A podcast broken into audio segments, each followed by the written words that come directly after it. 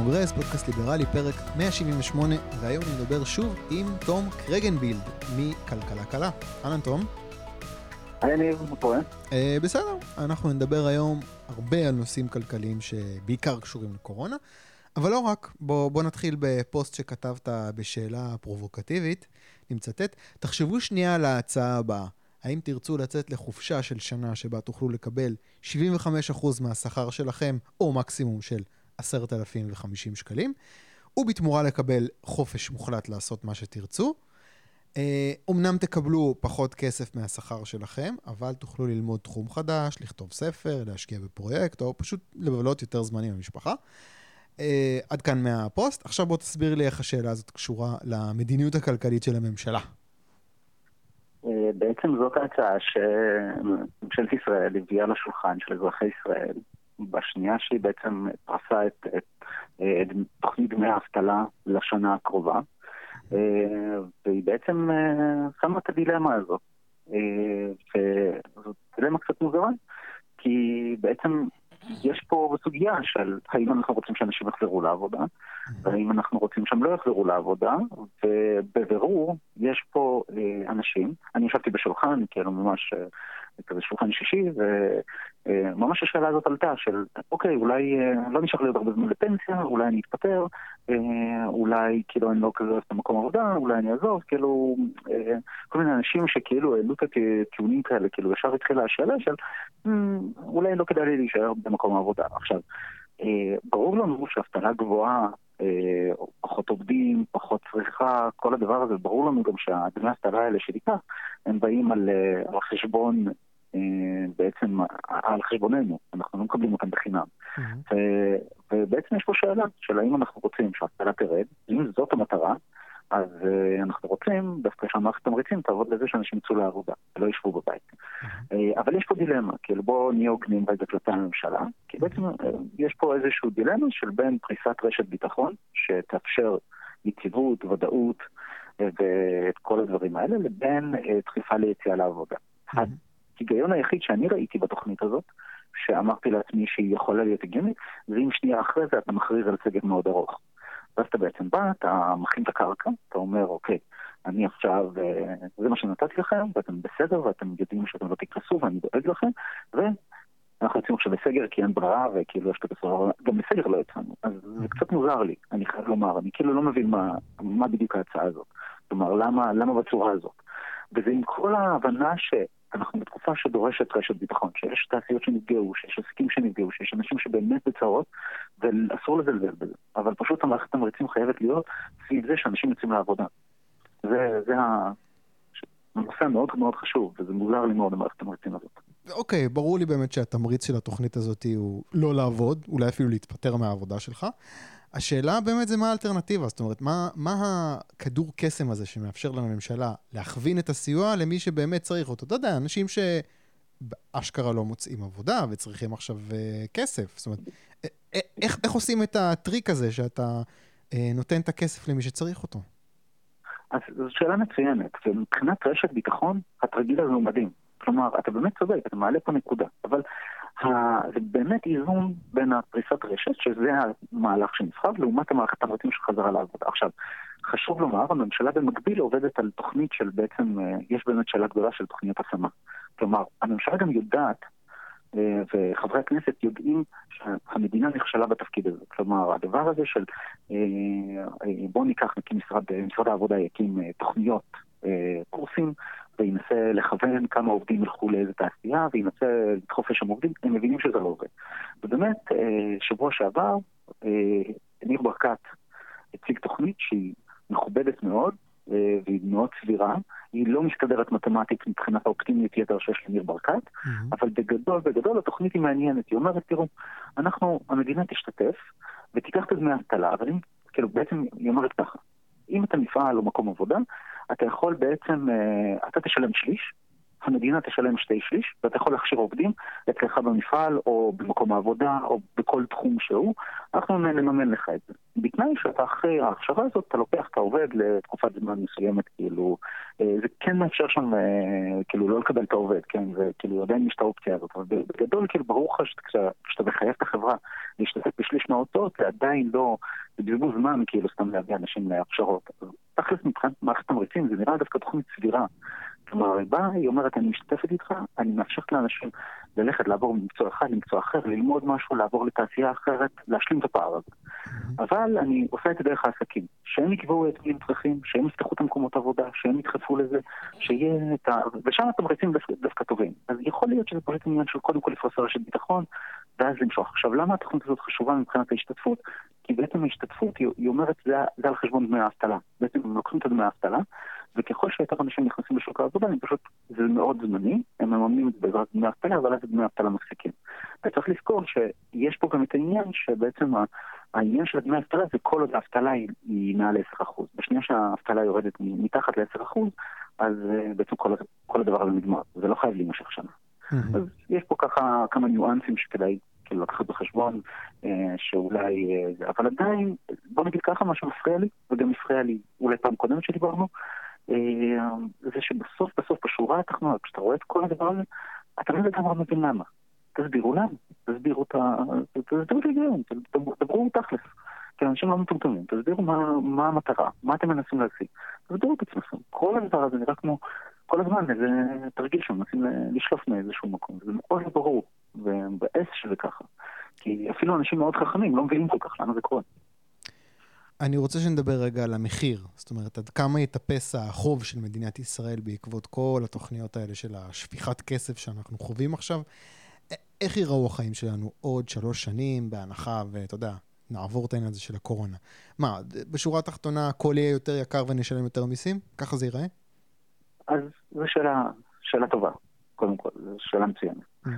קודם כל, השאלה המצוינת פשוט בגלל שהיא כבר מניחה את הדבר הנכון, זה שאנחנו נשלם על זה, זה לא בא בחינם. כן, זה ברור. עכשיו, אני חושב שגם הקפיטליסטים ביותר הסכימו שבסופו של דבר, אם מתישהו אנחנו רוצים שהמדינה תהיה מעורבת, זה ברגעים כאלה, רגעי משבר, שבהם באמת, אתה יודע, כאילו בשגרה יש דיון על כמה ממשלה, אבל ברגעי משבר כנראה שצריך קצת יותר.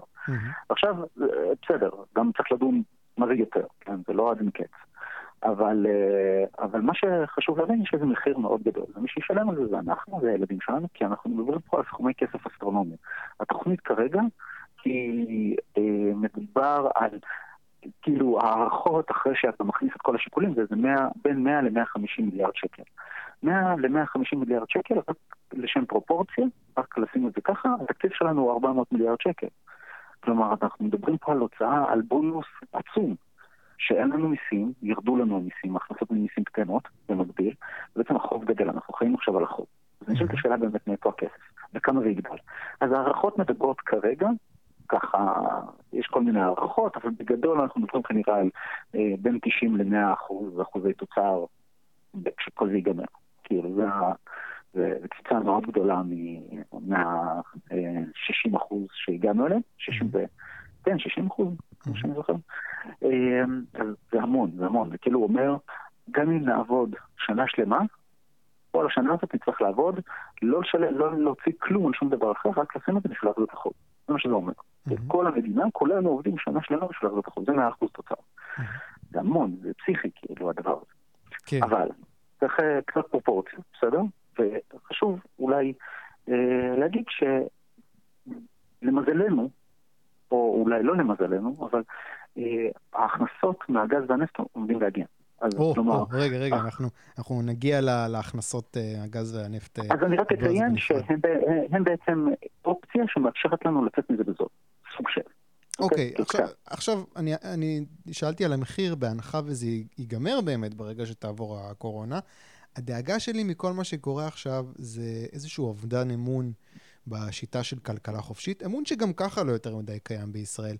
אתה חושב שזו דאגה מוצדקת? זאת אומרת, מעבר למחיר הכבד במיסים שנשלם בשנים הקרובות, אתה חושב שאנחנו נחזור לפסים של פחות או יותר שוק חופשי, או שהמגמה הזאת עכשיו של התערבות הולכת וגדלה של המדינה תמשיך הרבה אחרי הקורונה? אז אני חושב שאנחנו צריכים ככה קצת לקחת את זה בפרופורציה. קודם כל יש מגמה חיובית של, בוא נגיד, 20-30 שנה, שבהם אנחנו בתהליך הדרגתי עוברים לשוק הרבה יותר מוצלח. כן, כלומר, נרצה לא נרצה זה קורה, יש הרבה יותר, אתה כבר קודם, אני זוכר, לא מזמן לא יכולתי לקנות כלום מחו"ל, יבוא היה משהו לא הגיוני, היום זה קורה, בסדר, זה רגע לפני הקורונה זה קרה. עכשיו אני שואל את השאלה מה יקרה אחרי, ברור שהשאלה היא אחרת. אתה אומר, תראה, המדינה מתקרבת עכשיו בצורה מאוד מאוד רחבה, פוגעת בזכויות אזרח, אה, זכויות פרטיות, אה, דורסת הרבה דברים, כאילו מעורכת ב-200 קמ"ש, והאם אנחנו אולי נאבד את זה, ואיפה דעת הקהל עומדת עכשיו. פה יש נקודה קריטית, ואני אגיד, סביר להניח על מה אפשר להתבסס. בואו ניקח את מלחמת העולם הראשונה, אה, דברים כאלה. אה, אחריה, היה הרבה תנועות פשיסטיות, הרבה תנועות של אה, קומוניזם וכאלה, שבחלקן הגיעו מהמקום הזה, שבעצם ממשלה מאוד מעוררת, הממשלה צריכה להיות בפנים, כי הממשלה יודעת לעשות, כי אנחנו צריכים איזה גוף כמו צבא שינהל את הכל, כי הוא יעיל, כי בזמן המלחמה הוא הוכיח כמה הוא יעיל. כן. זה גם שאלה כזאת, ואז אתה כאילו אומר, הנה, יופי, אבל צריך לזכור משהו אחד, והחלק, הסיבה שזה הצליח, זה כי גם בגדול אנשים היו מרוצים מההתנהלות של הצבא, לדוגמה, כאילו mm-hmm. במלחמה. וכאילו היה איזה מודל של כאילו גם ההקרבה וגם הביחד וגם הערכים האלה של זה. זה לדעתי משהו שכשאתה מביט היום, תשאל בן אדם ברחוב, כמה הוא רוצה מההתנהלות של הממשלה, זה לא בדיוק קרה. Hmm. דווקא יכול להיות שהממשלה עשתה את הדבר הכי טוב שיכול להיות אה, עבור שווקים חופשיים. היא פשוט, היא פשוט, אה, אתה יודע, היא לא תפקדה. היא פשוט לא תפקדה. עכשיו, אתה כן. יודע, בסוף אנחנו צריכים לצאת מזה, ואולי, אתה יודע, אולי עכשיו בימים האחרונים יש איזה משהו שנראה כמו חצי תפקוד, אני, זה ממש מוקדם כדי לומר שיש משהו כזה, אבל זה נראה חצי, חצי כאילו סוף סוף מתחילים לדבר על, אתה יודע, נפסיק לשקר לכם, נפסיק חרטט, טעינו, mm. אתה יודע, היה, פתאום היום היה כאילו איזה דיון כזה קצת יותר מעניין, ב, אה, לפחות אה, מגמזו. כן. אבל עדיין, עדיין, כשאתה מביט על זה, אתה צריך להגיד, זה לא שמישהו פה כאילו אומר, וואי, איזו התנהלות מדהימה של הממשלה. יש מחאות, מימין, משמאל, אף אחד לא מרוצה. אלה שלא רוצים, אלה שלא רוצים בזבזת, אומרים יש בזבזת. אלה משמאל שרוצים בזבזת, אומרים אין מספיק. אה, אלה שרוצים פשוט להשתלט על המחלה ולציין, זה אומרים שגם שם אנחנו נכשלים, אנחנו נכשלים לגמרי. הגענו היום, היום דרך אגב אנחנו במספרים מאוד יפים, הגענו היום סוף סוף, אנחנו עקפנו את ארה"ב במספר חולים למיליון. כאילו, מדהים. כן.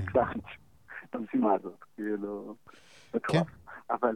אה, נקודה טובה, לא אה, חשבתי על זה. אז אתה אומר בעצם זה שאנחנו צריכים במרכאות להגיד תודה לממשלה על זה שהיא כושלת בתפקוד שלה, כי לאנשים, גם כשכל זה ייגמר, לא תהיה להם ציפייה שהמדינה עכשיו, אה, את הבלגן הכלכלי שיש, היא תנהל בצורה יותר טובה. נכון. נכון, באופן מפתיע דווקא, אם תחשוב על זה בשנות ה-80, כשהממשלה ממש תפקדה בצורה מוצלחת כדי להוציא אותנו ממשבר ולקחת כל מיני צעדים כואבים, דווקא שם יכלת לבוא ולהגיד צריך יותר אה, ממשלה. כאילו זה מעניין, זה כאילו, כן. אה, לא יודע, כאילו, מצחיק קצת. כן. אה, אבל כן, זו זווית מעניינת. בואו נדבר עכשיו על נושא שאומנם ראיתי את לובי 99 ודה מרקר מתעסקים בו השבוע, אבל לא הגיע לה, ככה לכותרות הראשיות יותר מדי, וזה הנושא של הגז. הזכרת את זה קודם. יותר נכון, לאן נעלמו 14 מיליארד שקלים בהכנסות מהגז? אני אתן קצת רקע. חלק מהמיסוי על אה, רווחי חברות הגז, במקום ללכת ישירות לאוצר, אמור היה להיכנס לאיזושהי קרן השקעות, שהרווחים שלה יהיו לרווחת הציבור בישראל. הבעיה שהצפי היה שעד לנקודה הזאת בזמן, עד 2020, היו אמורים להיות בקרן 14 מיליארד שקלים. בפועל יש חצי מיליארד שקלים. והקונספירציות התחילו לעוף, החברות ברמות וגוזלות מאיתנו את רווחי הגז שלנו, שוב אה, דפקו אותנו הטייקונים של הגז. אה, אתה כתבת על זה פוסט, זה לא בדיוק המצב, עכשיו בוא תסביר לי לאן נעלם הכסף, ולמה אמרת דווקא שהנושא הזה הוא משהו להיות אופטימי לגביו, שזה חדשות טובות.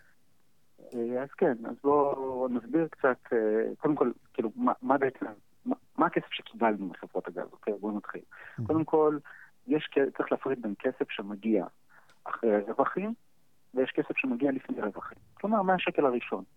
אה, אוקיי, אז קודם כל, אה, קיבלנו בערך 6.5 מיליארד שקל ממס חברות. בסדר, 25 אחוז פשוט החברה קיימת, היא מוכרת משהו, היא, היא אה, מרוויחה, היא משלמת מס חברות. Mm-hmm. זה פשוט מהשקל הראשון. דבר שני, על זה מתבסס אה, עוד איזה 12 אחוזים שזה בעצם אה, מס תמלוגים. זה היה קיים גם קודם, זה בעצם עוד פעם מה, מהמכירה הראשונה של הגיא, מעצם זה שיש משאבי טבע בישראל, אתה מוכר ואתה משלם למדינה. זה כבר הגיע ביחד, זה בערך משהו כמו 13-14 מיליארד שקל, הדבר הזה. אוקיי. Okay. אז, אז, אז כבר כאילו אנחנו מדברים על כסף, אבל זה לא הכסף שמדובר עליו, אוקיי? זה לא נכנס, כאילו מה שאנחנו דיברנו עליו כרגע, זה נכנס לקופת האוצר, משתמשים בזה בתקציב המדינה, וזה הסיפור הזה. אבל אנחנו מדברים על בעצם הקרן לאזרחי ישראל ועל מס שישינסקי, ששם בעצם אה, מדובר על כסף שמגיע בעקבות זה שעוברים אה, סף רווחים מסוים. למה עושים את זה ככה? קודם כל כי בהתחלה המיסוי היה ממש ממש נמוך. כלומר, היינו המיסוי הכי נמוך בעולם, וטעינו, כי אף אחד לא האמין שיש פה גז ונפט, אף אחד לא חשב על זה בכלל, ואז כשגילו, הבינו, אה, עשינו טעות. אז זה דבר, זה דבר ראשון, ואז היינו בסאגה הזאת של עשור של בלאגן. אה, ואז אמרו, אוקיי, סבבה, אז יש לנו את הדבר הזה, בואו נקים את הקרן. למה מקימים את הקרן? זה קשור למחלה ההולנדית. לא רוצה נראה לי להיכנס לפה כאילו להסבר הטכני של מה זה המחלה ההולנדית, אבל בגדול, אם ייכנס לפה הרבה מאוד אה, דולרים בעקבות המכירה של הנפט, זה יכול ליצור הרבה הרבה בלאגן במדינה. אה, ובעצם אנחנו יכולים לחוות מה שהולנד חוותה בשנות ה-70, שזה בעצם ירידה בייצוא בתעשיות אחרות, ובעקבות זה אבטלה גדולה ופגיעה בתיירות והרבה דברים אחרים שמגיעים מזה שהמטבע שלך, אה, השקל מתחיל להתחזק בצורה מטורפת, mm-hmm. בזמן מאוד קצר. אז באים למנוע את זה. וגם זה מונע כל מיני פופוליזם של פוליטיקאים, הקרן הזאת. כי מה שהיא אומרת, היא אומרת, תראה, הכסף נכנס, אתה לא יכול להשתמש מה שאתה, אתה לא יכול להוציא את הכסף ולהתחיל לעשות בו מה שאתה רוצה בגלל הצרות של המחלה ההולנדית. אז אתה חייב לשים את זה, ב... אה, אתה חייב לקחת רק את הריבית מהקרן הזאת. אתה משקיע אותה בעצם בנכסים בחו"ל, לא בארץ, במיוחד בשביל שוב לא לשים את השקלים, לא להכניס את הדולרים האלה לשוק הישראלי, ואתה משקיע בכל מיני חברות בחו"ל, אתה לוקח את הריבית, נגיד 5-10% בשנה, ואתה יכול בעצם להכניס את זה לתקציב, אה, לתקציב המדינה. אז, אז בעצם זה הרעיון, זה הסיבה ללמה זה מתנהל ככה, וכפי שאתה רואה, בעצם יש פה הרבה חשיבה לטווח ארוך. כלומר, זה ממש לא איזה משהו שכזה, אתה יודע, מישהו שלף מהמותן. זה ממש הייתה חשיבה ועשו עבודה מאוד מסודרת. ובאמת, הדיון הזה, ה-14 מיליארד שנעלמו, הוא דיון מאוד מקצועי שמתרחש בימים אלה בכנסת. כלומר, ממש כבר היה ארבע דיונים, אה, אה, בעצם עם, עם כל מיני אנשים, כאילו גם עם יובל שטייניץ, שזה היה הפגישה הראשונה, אבל גם עם אה, שישינסקי עצמו, עם איתן שישינסקי, וגם עם ראש רשות המיסים, וכל, וכל אחד מסביר. עכשיו, אתה אומר סבבה, הסברת את כל זה, אבל איפה הכסף? כן. למה אני לא רואה את הכסף? אז ב-2013 עשו את ההערכה הזאת, אמרו ב-2020 יהיה את הכסף, על פי כל מיני כמה צופים שתהיה מכירה. Mm-hmm. ובעצם ההערכה הייתה שב-2018 התחילו להפיק, כאילו ב-2018 נתחיל לראות את הרווחים, סליחה, לא יתחילו להפיק, ב-2018 נתחיל לראות את הרווחים, mm-hmm. ועד 2020 יהיה 14 מיליארד שקל. אבל מה, מאז 2013 ועד 2020 קרו המון המון דברים. כמה דברים שקרו, חשבנו שאנחנו נמכור גז לארה"ב, ארה"ב בילתה מאגרי גז משוגעים, משהו פסיכי, כאילו שינתה, הפכה להיות פתאום אחת הגדולות בעולם mm. בתחום הגז. בעצם מה mm-hmm. שאנחנו, התשתיות שהיו אמורות לקבל את הגז שלנו, שינו צעד, התחילו לייצא לעולם. זה הוריד את המחירי גז, זה כבר דבר אחד שקרה. Mm-hmm. דבר שני, היה המון דיונים על האם לייצא את הגז או להשתמש בו בישראל. העובדה שאנחנו אין לנו בכלל מספיק יכולת להשתמש בכל הגז שיש שם באדמה בתקופת זמן קצרה, אה, לא הפריע לאנשים, אבל שנתיים היה דיונים, דפקו אותנו, תקעו את הכל, אף אחד לא חתם על חוזים מול מצרים, אף אחד לא חתם על חוזים מול ירדן, כל מיני דברים שאמרו שלא יקרו, קרו בסוף, אבל העניין הוא שבסוף אה, הגז הזה כאילו פשוט נשאר באדמה, ולא הפיקו אותו, זה עוד עיכוב. עוד קצת בירוקרטיות, עוד קצת דיונים. השאלה היחידה שנשאלת פה זה בעצם, למה בשנת 2020, לא, עד 2020 לא שינו את ההערכות? למה אף אחד לא אמר, היי חבר'ה, דברים השתנו, אנחנו מצפים לכסף, אז זה לא הגיוני לצפות לכסף הזה, זה הכל. אז סך הכל איפה שאנחנו נמצאים, אנחנו נמצאים רגע, רגע בעצם שנייה, לפני שניסי שישינסקי מתחילים לפעול ולהיכנס במלוא העוצמה ממאגר תמר. ולאט לאט זה עולה בהדרגה, זה לא ישר, זה כאילו הם כבר מתחילים, אבל בעצם הם, אה, זה מתחיל מאיזה אחוז מסוים, ואז זה גדל וגדל וגדל וגדל, ובסוף כאילו, בסוף כל הסיפור הזה אתה מקבל, אה, אה, כל המס שישינסקי הוא איזה 60 אחוזים, משהו כזה, 60, בין 50 ל-60 אחוזים מהרווחים. Mm-hmm. וזה המון המון כסף. אנחנו מדברים פה בעצם, בסוף התקופה, אחרי הכל, מדברים על משהו כמו 250-300 מיליארד שקל שייכנסו לקרן. Mm-hmm. עכשיו, הדבר הזה גם מוביל לשאלה למה לא קמה הקרן, כי גם יש חסרה הקרן. אז בנק ישראל פשוט אומר, תקשיבו, כשיגיע למיליארד יהיה לנו מה לנהל, mm-hmm. אז נפתח את הקרן. זה כל הסיפור. אה, ואז שאלת אותי גם, למה בעצם זה חדשות טובות? אה, אז אני אומר, כי בעצם זה רווחים שבאים והולכים להיכנס טיפין טיפין כאילו הולכים להשקיע את הכסף הזה, וטיפין טיפין זה נכנס.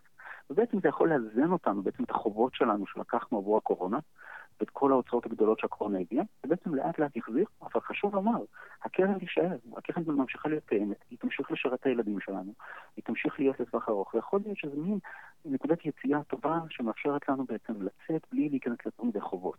ולדעתי חלק מזה זה אולי הסיבה שגם היום מנהלים הרבה דיונים בכנסת בדיוק על, על איפה הכסף ומתי ייכנס ומנסים להבין בדיוק, כי פתאום מבינים שזה מאוד קריטי, hmm. הנקודה הזאת. כן. אז uh, למרות שאף אחד כאילו לא אומר את זה בצורה רשמית, אבל נראה לי שהכסף הזה מאוד קריטי וזה פשוט מתנה שקיבלנו, להתחשב בנסיבות. אבל צריך להבין, הכסף הזה הוא לא בא בחינם. זה כסף שהיה אמור ללכת לבניית רכבת, תשתיות, מעבר לאנרגיות נקיות, כל מיני דברים כאלה, וזה לצערנו אה, לא כל כך קורה, כאילו זה לא יקרה כי בעצם הכסף הזה נשרף על הקורונה. Mm. שלא באשמת הממשלה, כן, זה פשוט משהו ש... כאילו, זה כן באשמת הממשלה ולא באשמת הממשלה. זה תלוי בצעדים שהיא עושה, אבל גם הסיטואציה עצמה היא לא באשמת הממשלה, היא כאילו כן. מחוץ לשליטה של זה לחלוטין. Mm-hmm. אמ, אז זה בערך הסיפור, וזה למה אני אומר. אני גם חושב שהרבה מהציבור פשוט לא מבין את זה, וחבל, והתקשורת, די אירוני, ממלמל לי ארבע עמודים של, אה, של איך עקצו ואיך הוועדות האלה נוראיות. באמת על הוועדה, פשוט תראה איך היא מתנהלת. תראה חברי כנסת מהקואליציה, מהאופוזיציה, כולם בהסכם, שסך הכל מתנהל כמו שצריך. כולל, דרך אגב, מעבר לאנרגיות ירוקות. כלומר, גם מעבר, בעצם לוקחים את הכסף הזה, וירדנו מפחם, ועברנו לגז, שהוא משמעותית פחות מזה. הורדנו כמעט את כל זיהום האוויר שהיה בארץ בדברים מאוד מאוד מזיקים. וזה דברים שהרגו פה אנשים יותר מתאונות דרכים. אה, אנחנו עוברים לאנרגיות ירוקות שיש דיון על האם כן או לא, אבל עכשיו היה מכרז שהתגלה להיות זול יותר ממכירת גז, כאילו אם היינו מקימים עכשיו תחנת כוח על גז. אז יש פה הרבה עניינים ש... וואלה, יש להם פוטנציאל, דווקא דברים מתנהלים לא רע. כלומר, אם מיקי חיימוביץ' יכולה לשבת עם יובל שטייניץ ולפרגן לו גם על העניין הירוק וגם על זה שבסוף הוא מוציא את הגז מהאדמה, כמו שהיא טענה שהיא רוצה להשאיר אותו באדמה לפני כמה חודשים, זה דווקא, אוקיי, נראה לי שאנחנו במקום בסדר. אוקיי, בואו בוא נסיים רגע עם האופטימיות הזאת, בואו נדבר על ההסתדרות. אה, הסיפור האחרון שקראתי זה שההסתדרות מאיימת אה, לתבוע רוקחים שהפריעו להם בניסיונם לאגד את הרוקחים של הסופר פארם. אז מסתבר שיש קבוצת רוקחים שיוצאת נגד הניסיון הזה לצרף רוקחים להסתדרות, וההסתדרות אומרת, הם מפיצים דיבה. הם אמרו שאנחנו לוקחים X אחוז מהשכר וזה בכלל Y אחוז מהשכר. אני הבאתי את זה רק כאיזשהו רקע, כי אני רוצה לשאול איזושהי שאלה כללית שלא קשורה לסיפור הזה. נראה לי שההסתדרות ממשיכה בדרכה, למרות הקורונה, זאת אומרת, היא ממשיכה לאגד וממשיכה לאיים בסכסוכי עבודה, על קיצוצי שכר במגזר הציבורי אין מה לדבר בכלל, להפך. אה, אני תוהה מתי יגיע הפיצוץ הגדול בגזרה הזאת, כי הרי, אתה יודע, העלאות מיסים, לא יספיקו כדי לכסות את הבור הגדול הזה שהממשלה חופרת היום, בנקודה מסוימת יידרש קיצוץ אמיתי בהוצאות המדינה. איך, אה, איך ההסתדרות תגיב לדעתך? איך ייראה היום הזה? יום העימות. קודם כל, אני, אני, אני חושב שיום העימות יהיה קשה, אבל השאלה אם יום העימות יגיע. כי בסופו של דבר, הכוח שיש להסתדרות הוא עצום. הוא פשוט בלתי נתפס איך הגוף הזה מצליח לשלוט ב... כל כך הרבה, כולל לאיים על עובדים. כלומר, אתה, אתה, אתה מדבר על התנהגות פה, שתיארת עם, אה, בעצם אה, עם הרוקחים, אתה על קבוצה של עובדים שסך הכל מציגת, אתה יודע, מציגת הנתונים או מציגת העובדות, ואתה יכול לבוא ולהתווכח ולהגיד, אבל כאילו, בוא נגיד, אם, יצחק תשובה היה מתנהל כמו, אה, כמו ההסתדרות, היינו רואים כתבות מפה ועד הודעה חדשה. כן. כשההסתדרות מתנהלת מול מתעמרת בכמה עובדים, בצורה שהיא לוקחת אותם לבית דין, אז פתאום זה לא הקפיטליסטים הנוראים. עכשיו, ההסתדרות זה הקפיטליסטים הנוראים.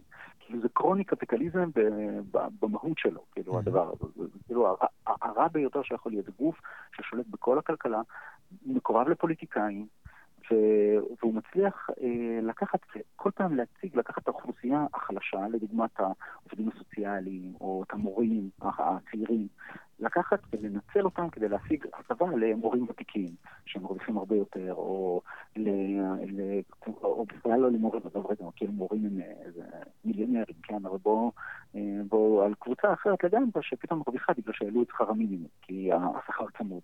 פתאום העובדי נמל שמרוויחים 80 אלף שקל, פתאום מקבלים תוספת שכר, זה הגיוני למישהו.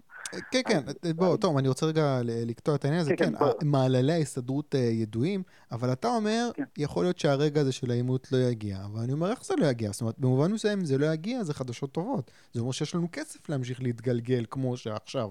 אני אומר, רגע, לא יהיה כסף. פשוט לא יהיה כסף לשלם משכורות. אז uh, כמו שאמרתי לך, קודם כל יכול להיות שיש כסף, ואז זה עצוב, אבל זה יכול לא להגיע. כן. Uh, ודבר שני, נגיד, נגיד הוא מגיע, אתה בסוף צריך פוליטיקאים עם עמוד שדרה שיהיו מוכנים להיכנס לקרב הזה. וזה קרב קשה. זה קרב ש, של השמצות, של זה שלא בוחרים ברכה בפריימריז. ונגיד היינו מצפים דווקא ממפלגה יותר כמו של לפיד, אה, להילחם יותר, כי אין להם פריימריז, והם לא צריכים, ואין להם מתפקדים של ההסתדרות. כן. כלומר, אני דווקא הייתי חושב שדווקא שם זה, מהאזור הזה זה יכול להגיע, אבל וואלה, זה לא. ואתה צריך ממש, אה, וגם צריך להגיד, בסוף זה יקרה רק אם באמת אנשים יתקוממו ויגידו די. לא יכול להיות שבזמן שלי, אותי מאיימים לפטר, בזמן שאני איבדתי את העבודה, בזמן שאני שרתי בכלום, עובדי המדינה לא משתתפים בדבר הזה. אפילו הורדת אה, אה, הטבות של לבוש, כאילו לא הורידו להם. עכשיו, אני לא אומר, הטבות לבוש זה פשוט חלק מהעניין של השכר. לא יכול להיות שאף אחד במגזר הציבורי לא נפגע. זה לא יכול להיות, זה כאילו, זה פשוט ניתוק מוחלט מהדבר הזה. אתה יודע, אני קיוויתי, קיוויתי שזה יגיע באמת הרגע הזה, אבל זה לא קורה. זה לא, הזרקור לא מופנה לשם בכלל. זה מאוד מאוד מאוד מוזר, כאילו באמת, שאני חייב לומר, זה רמת הניתוק שנדרשת פה, כולל ההתנהלות של גם, גם בחינוך וגם בכללי, בכל הגופים האלה שאמורים לשרת אותך. כאילו, מה שהורג אותי, אוקיי, אני אסביר את זה ככה. יש אמירה של ההסתדרות שאומרת, תראו, עובדי המגזר הציבורי עובדים קשה, זה לא ארגון קפיטליסטי, עובדי המדינה עובדים קשה והם שם ונותנים מעצמם, והם שם כדי שברגעי משבר הם ייתנו מעצמם. והנה, אנחנו ברגע משבר. איפה הם? הם לא שם. כלומר, הם יוצאים לשביתות, הם משביתים, הם סוחטים. אז אני אגיד לך, אם אני עכשיו ההסתדרות, אז אני אומר לך, תקשיב, האנשים האלה שאתה רוצה לקצץ להם את השכר, זה העובדים בבתי החולים, זה העובדים במערכת החינוך, זה עובדים שבדיוק עכשיו במשבר אנחנו צריכים אותם, ואתה רוצה לקצץ להם, איך אתה, אין לך לב. אז, אז אני אענה על זה. Mm-hmm. האשמה פה, פה, בדיוק על הנושא הזה, אשמת מדינה, אשמת הממשלה. כי לא יכול להיות, כאילו, דרך אגב, זה לא, זה לא באמת ההסתדרות, זה קודם כל באמת המחוקקים. כי מה שקורה פה זה שאין שום מנגנון לניהול אה, דיון בנושא שכר במדינת ישראל. הדרך היחידה שלך לקבל העלאה, בין אם היא מוצדקת ובין אם לא, היא על ידי שליטה. והממשלה, שנגיד עכשיו מבינה שעובדות העובדות הסוציאליות עובדות ב-70% יותר, אנשים עוזבים את המקצוע, אנשים שבורים, כאילו, הן עובדות הרבה יותר, כאילו, יש הרבה נושא שכאילו באמת, אה, ואתה צריך את זה, כי זה כאילו האוכלוסיות הכי חלשות שהכי צריכות עזרה דווקא בתקופה הזאת, כאילו, תלויות בגופים האלה, והגוף הזה מתקטע לחלוטין בגלל שאין עובדים, והשכר שם מגוחך לחלוטין. אז אתה אומר, אוקיי, הנה, למה, כאילו, מה, תום, אתה תומך בשליטה? אני אומר, כן, כי... אין להם דרך אחרת באמת להשיג שום, אין ניהול נורמלי, דיון על שכר בממשלה. Mm-hmm. אין, אין דרך לנהל, לנהל דיון על שכר בשום צורה אחרת. אתה חייב לצאת לשביתה, אתה חייב לדאוג לזה שכל המגזר יושבת, אתה חייב לנהל דיון שכר מול כולם, אתה לא יכול לבוא ולהגיד, אוקיי, אני מבין שאני צריך עוד עובדים, ספציפית לאלה החדשים שהצטרפו אני אעלה שכר, ואני אעשה את זה באחוזים אישיים. או שאני אתן בונוס עכשיו לעובדים שעובדים ממש קשה, רק בתקופה הזאת. אני מזהה, אני אתן למנהלים את האופציה לחלק בונוסים, זה יותר זול, ואנחנו נתגמל את מי שבאמת עובד, כי ברור שלא כולם עובדים קשה, כי ברור שכמו כל מקצוע, יש אנשים שעובדים מאוד מאוד קשה, ויש אנשים שלא. יש אנשים שקורסים ולא מקבלים תגמול, ואותם צריך לתגמל עכשיו. טוב, אתה יודע, פה אתה כבר נכנס לעניין של אה, גמישות ניהולית, שזה עוד איזושהי... אה, כן, עוד לא סדין אדום בעיניים של ההסתדרות, זה לא רק הממשלה פה. אתה יודע, אף אחד לא רוצה להיכנס לקרב הזה, כי אין לך מה כן. להרוויח ממנו, יש לך המון מה להפסיד. אז מבחינתי, כשאתה אומר, מה, מתי הטיקטוק? הטיקטוק יגיע מתי שפוליטיקאים יתחילו, ובאמת יהיה גם לחץ ציבורי על הנושא הזה, שהסתדרות לא תשלוט בכל, אה, בכל המשק. כאילו, באמת צריך לצאת פה למלחמה על הנושא הזה, שיהיה גמישות ניהולית, שלא ההסתדרות תקבע כל דבר ודבר, ושיהיה דרך אה, לנהל. אתה רוצה לצאת לשביתה, זה צריך להיות הצעד האחרון שלך ברשימה.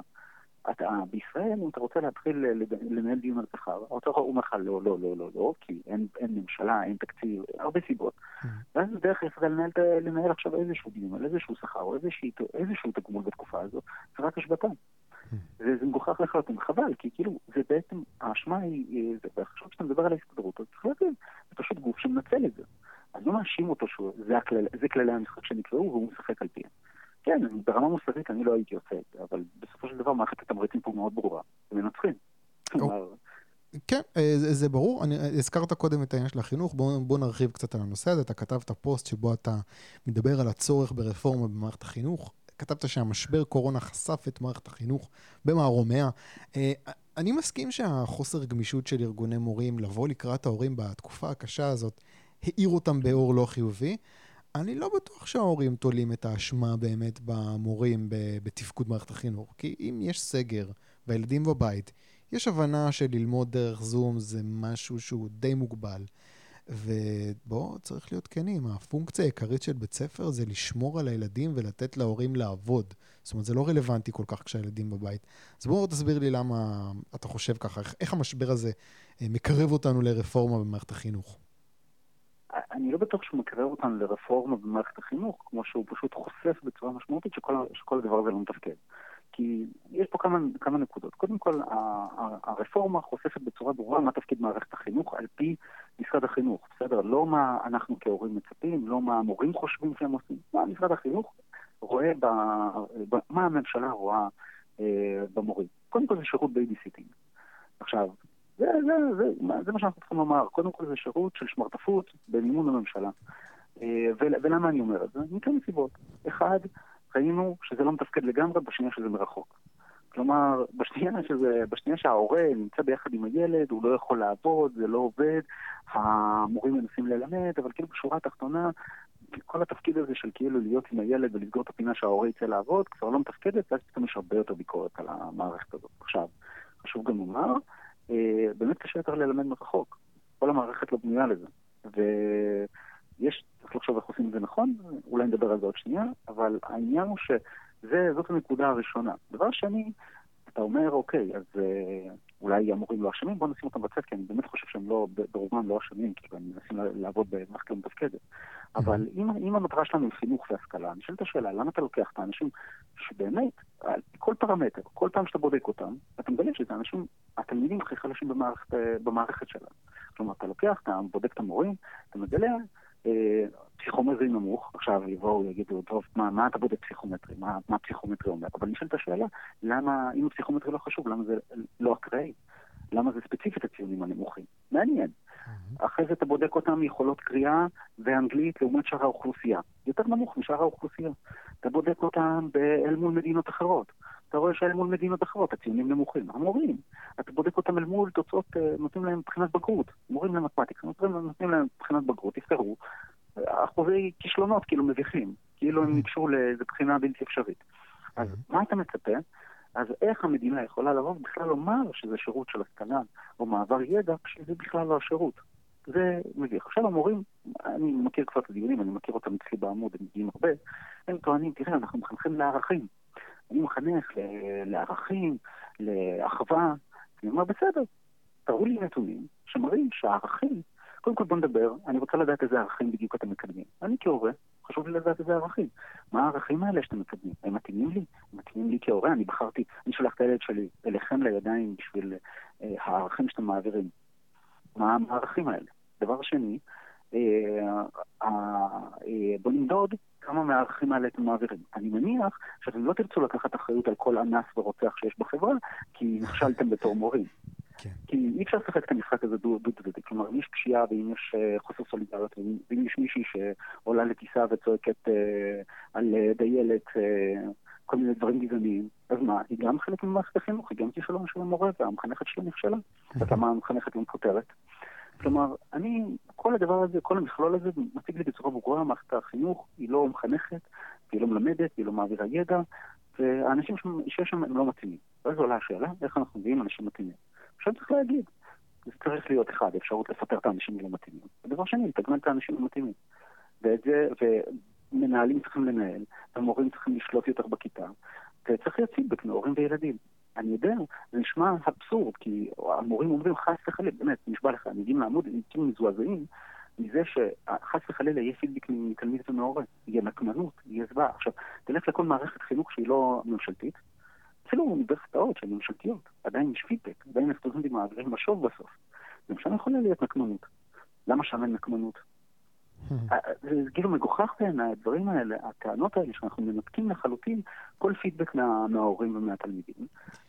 אני אגיד לך, אני, אני אגיד לך, אם אני מנסה לשים את עצמי רגע בנעליים של המורים, החוויה שלהם כרגע של פידבק של הורים, זה מההורים שלא מוכנים uh, לקבל uh, לא כתשובה. ההורים שכאילו שבאים והופכים שולחן. אז הם יוצאים מכל הנחה שברגע שיהיה פידבק, אז מה שהם יקבלו זה המון הורים שהופכים עליהם שולחנות. אבל רגע, זה יופי. ופה נשאלת השאלה, מה המנהל יכול לעשות, המורה יכולה לעשות, איזה כוח יש להם, איך הם יכולים להתנהל מול ההורים האלה. למנהל אין כוח, הוא לא יכול להגיב לדבר הזה, בשום צורה. הוא כאילו שליח של משרד החינוך שיושב בירושלים וקובע לו בדיוק איך לנהל את הבית ספר. ההורה, אין שום פידבק, הוא, הוא, הוא לא יודע מה המנגנון פידבק, הוא לא קיים. אז אתה לא יכול לבוא ולהאשים אותו שהבחירה שלו במנגנון פידבק היא גרועה. כי בוא נגיד, כשאני נכנס לסופר, ואני לא אוהב משהו בסופר, או אני קונה הרבה בסופרים, אבל אני, ואני מסתובב שם הרבה אנשים, נדיר שאני אראה מישהו מרים שולחן על, אה, על הקופאית, כי המבצע לא נראה לטעמו. מדי פעם יש איזה חולה נפש, אבל כאילו בגדול, השומר בסופר בין השישים מצליח להשתלט על המצב. כן. למה? כי אני יכול ללכת ולהסתובב שנייה, וללכת לבית ספר אחר. אני יכול לבוא ולהגיד, תשמעו, זה לא מתאים לי. זה לא מתאים לי, אתם מספקים משהו שלא מתאים. יש לי אלטרנטיבות, אני יכול ללכת לסופר שהוא קצת יותר יקר, יכול ללכת לסופר שהוא קצת יותר זול, אה, להתפשר על איכות. יש לי, יש לי הרבה מגוון בשוק. בשוק החינוך יש לי את מה שמשרד החינוך קבע, יש שיטה אחת. עכשיו אני יכול לבחור או חינוך חרדי או חינוך ערבי, חינוך חרדי, אני לא יודע בכלל מה הולך שם, כאילו אין לי מושג מה לומדים שם. אה, חינוך ערבי, אני יודע שזה יותר גרוע ממדינות הערב השכנות, אז כאילו להעיד זה לא, זה כאילו מדינת עולם שלישי אפשר. ואז אנחנו נשארים עם החינוך היהודי, שהדתי הוא קצת פחות טוב, והחינוך היהודי, זה שהמורים אומרים, אה, הנה, שם תסתכלו, זה בממוצע ה-OECD, כאילו זה השיא, זה הכי טוב שהצלחנו, אנחנו בממוצע.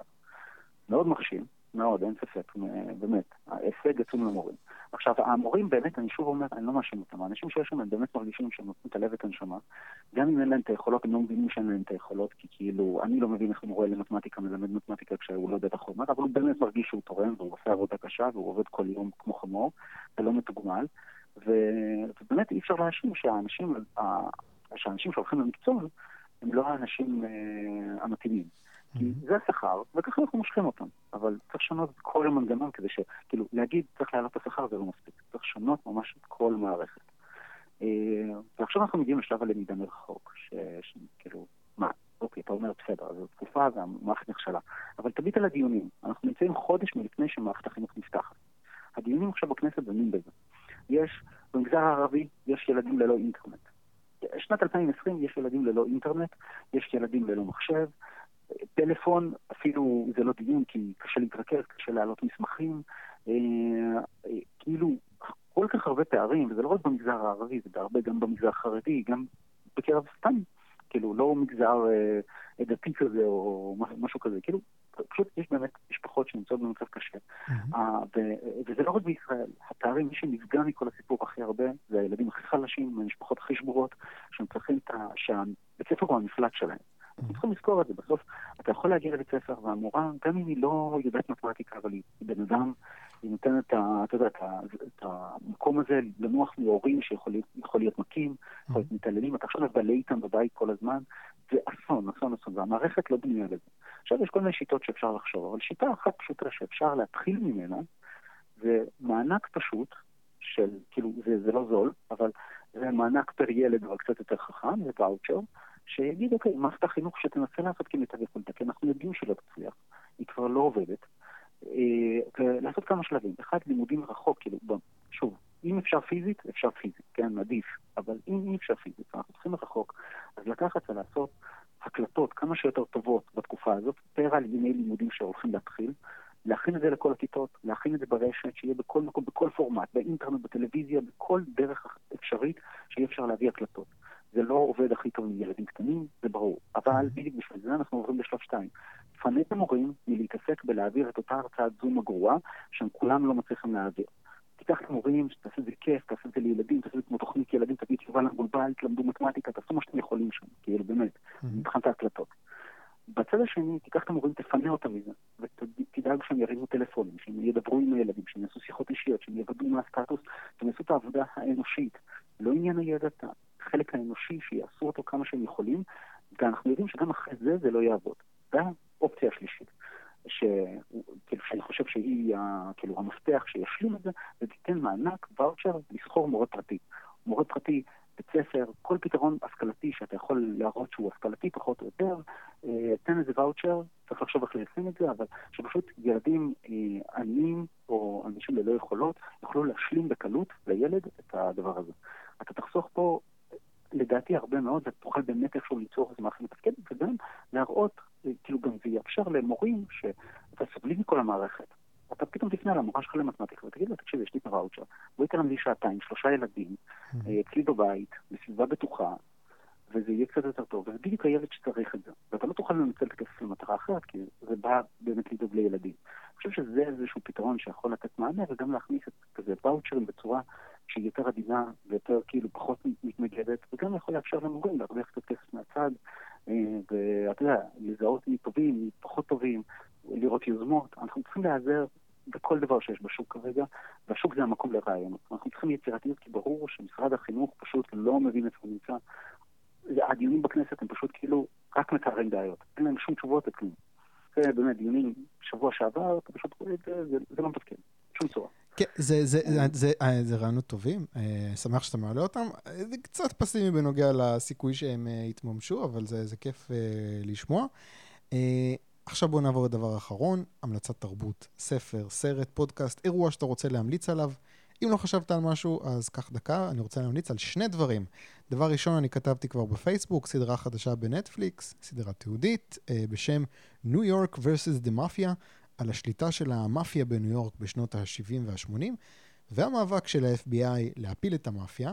כתבתי בפייסבוק שאם אתה מסתכל על הדרך בה המאפיה עשתה כסף משליטה בשוק המלט, שליטה באיגודי אה, נהגי משאיות, קרטל כזה שהם הצליחו לייצר בתחום של אה, בניית גורדי שחקים בניו יורק, הדמיון להסתדרות מדהים, וזה מאוד אה, מייאש גם, כי בארצות הברית הרשויות ממשל נלחמות במאפיה הזאת, ופה בישראל הם עדיין חלק מהמאפיה הזאת. אה, עוד סדרה שאני רוצה להמליץ עליה, בהוט, אה, פרי מייסון, סדרה בלשית, רימייק של HBO לסדרה הבלשית הזאת, רימייק כזה אפל, מחוספס, מאוד מרשים בפרטים, הם ממש נוסעים במכוניות האלה של שנות ה-30 בהוליווד, איזה על בלש פרטי שמנסה לפתור איזושהי חקירה של חטיפה ורצח של אה, תינוק. פשוט טלוויזיה טובה, אין פה, זה, זה אסקפיזם כזה בצורה מוזרה. אתה, הולך לשנות ה-30, דרמה בלשית, מאוד אפל, אבל זה, זה משהו אחר לגמרי, זה כיף uh, לראות את זה ככה בימים האלה של הקורונה. אלה ההמלצות שלי, ניו יורק נגד המאפיה בנטפליקס ופרי מייסון בהוט. תום, מה ההמלצה שלך? אז אני אמליץ על סדרה דווקא של כאן, שקוראים לה עוסק בביתנו, אני לא יודע אם מישהו אחר אולי ימליץ עליה, אבל לדעתי אה, ממש מעולה. אני, אני רגע אגיד, אה, היא מעולה, והיא חושבת בזה שהיא פשוט סוקרת את ההיסטוריה הכלכלית, כל מיני בעיות ואתגרים שיש בהיסטוריה הכלכלית של מדינת ישראל, המשבר של שנות ה-80, משבר הבנקים, אה, כל נושא הטייקונים שהיה בשנות ה-2000, כל הנושא של כספי השילומים, כל העניין הדמוגרפי ופרויקט הלוי, באמת סדרה מרתקת מהבחינה של כאילו אתה לא תקבל הזדמנות אחרת באמת להיחשף להיסטוריה הזאת לכל הארכיון. יש שם קצת נפילות, כמו ראיונות עם דני גוטרין, וכל מיני... אה, כל מיני עוד מרואיינים שכאילו קצת אה, מגזימים עם ה... זה, או מציגים, או קצת זוויות שחסרות לדעתי בסיפורים, אבל בגדול, בגדול מדובר בסדרה שבאמת מאפשרת זווית מאוד טובה להיסטוריה הכלכלית של מדינת ישראל. אה, מאוד נמלצת, במיוחד לדעתי הפרק החמישי על הדמוגרפיה, הוא פשוט קריטי להבנה של לאן אנחנו הולכים ועם מה אנחנו מתמודדים ברמה דמוגרפית, mm-hmm. וכל הנושא של קצבאות ילדים. Mm-hmm. אז לדעתי זאת בהחלט המלצה שאפשר לראות בחינם, כי זו... אה, כן, כן, זה... בחינם, אתם מממנים את זה בחינם, אבל בסדר. אבל אפשר לפחות לראות את זה ביוטיוב. אני ראיתי את הפרק על המשבר מניות הבנקים, משבר ויסות מניות הבנקים. היה חסר לי שם קצת איזון כזה של... אתה יודע, היה שם יותר מדי אה, שנאת טייקונים ועשירים, בלי, וכאילו, אתה יודע, פותרים את הממשלה כזה של, אה, הם לא השגיחו מספיק, ואם הייתה רק יותר רגולציה ויותר זה. ו, אה, הרגשתי שזה קצת אה, מפספס את הנקודה, אה, הפרק הזה. אני, אני חייב להגיד שלגבי המשבר של הבנקים אני מסכים איתך, אבל אני חייב להגיד שכאילו ספציפית באמת היה שם עניין שהם התמודדו במשבר קטן מתוך משבר מאוד גדול. כלומר, כדי להבין את המשבר הזה, את משבר שנות ה-80, צריך להבין אותו לא בקונטקסט של אה, משבר הבנקים, שהוא באמת היה נפילה ובאחריות הבנקים, יש לציין, כאילו, כאילו גם הממשלה, אבל כאילו באמת הבנקים שם אה, ניהלו יפה מאוד, אבל גם נגיד הם לא דיברו על המחיר, הם דיברו על זה שהממשלה הלאימה את הבנקים, הם לא דיברו על זה ש-20 שנה, כמו עכשיו שאנחנו נשלם על הקורונה, 20 שנה אנחנו שילמנו על הדבר הזה, אנחנו שילמנו על ה... אה, על ההצלה הזאת של בעצם אנשים שהיה להם כסף בתוך הבנקים, בתוך המניות הבנקים, שהממשלה קנתה את המניות האלה. אז uh, לדעתי יש שם פספוסים, אני לא אומר שלא, אבל בכל זאת, אני חושב שרוב הציבור בכלל לא מצא את הסיפורים האלה, הם לא מבינים את המהות של מה שהיה בשנות ה-80. אני חושב שאולי הדבר הכי טוב בתקופה הזאת זה גם לראות שתמיד היה קונפליקטים, תמיד היה אי אמון בממשלה, תמיד היה פיצול, תמיד היה אוכלוסיות שלא הסכימו אחד עם השני, זה קרה בשנות 2000, בשנות 90 ו-80, ואחורה ואחורה ואחורה, ותמיד היה מלחמות מאוד גדולות בישראל, אה, כולל אה, בפרק על השילומים, איך כמעט פרצו לכנסת, ואתה יודע, רגע, כאילו מסוג הרגעים האלה שכאילו יכלה להיות הפתיחה, היו פרצים לכנסת ולך תדע מה היה קורה שם.